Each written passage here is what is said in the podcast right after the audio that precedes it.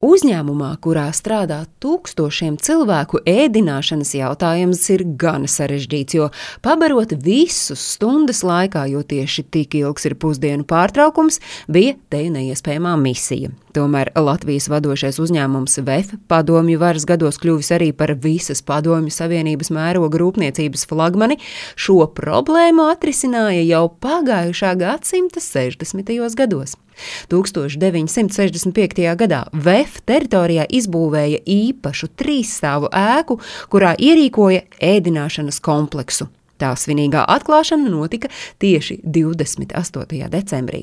Un tas patiešām bija īsts komplekss, jo sastāvēja ne tikai no vairākām ēdnīcām, bet arī no pusfabrikātu ražotnes. Tas tā, lai vakarā ejot mājās, darbinieki varētu līdzņemšanai nopirkt, nu, piemēram, salātus bija arī diētiskā nodaļa un kulinārijas cehs.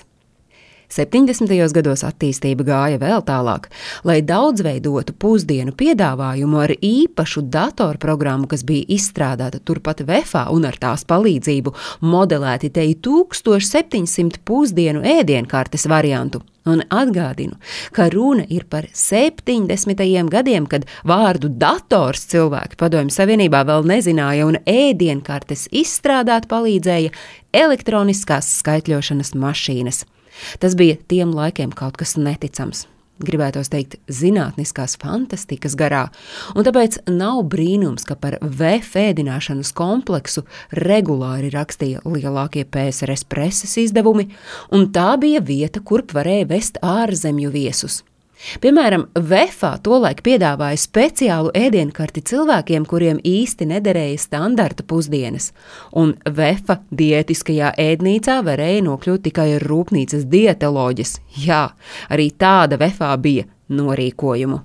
Uzņēmuma darbinieki varēja pusdienot uz kredīti, norēķinoties īpašā ierīcē, ievietoja darbinieka individuālo kartīti, bet pēc tam attiecīgā informācija nonāca VF grāmatvedībā, un tad tur pusdienu vērtību atrēķināja no konkrētā darbinieka algas.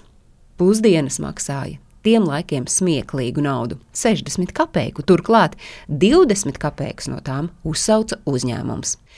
80. gados esošais ēdināšanas komplekss, nespējot tikt galā ar darbinieku plūsmu, izveidoja vēl citu modernāku un tehnoloģiski sarežģītāku. Visi tehnoloģiskie risinājumi, ēdienu komplektēšanas un izsniegšanas, lietoto trauku novākšanas, mazgāšanas un žāvēšanas mehanizētās līnijas, elektroniskā norēķinu un kontrolas sistēma bija radīti un izgatavoti turpat Vefā.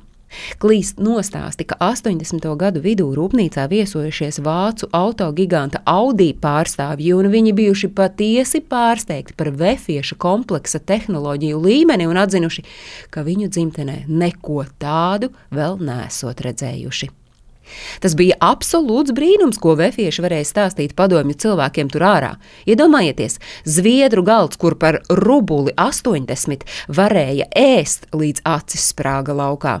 80. gadu beigās, gan brūkot Padomju Savienībai un Latvijai atgūstot neatkarību, pienāca revolucionārās ēdināšanas sistēmas noriets. Milzīgajam uzņēmumam sadaloties vairākos mazos, tik liels ēdināšanas komplekss vairs nebija vajadzīgs. Bet kas notika ar vefiešu iekārtām, nav zināms. Par to likteni pēc 90. gadu vidus ir dažādas versijas, bet viena no tām, ka tās varētu būt atdotas vai pārdotas kādai no aizejošās padomju armijas karaspēku daļām. Stāstīja Agnese Drunka.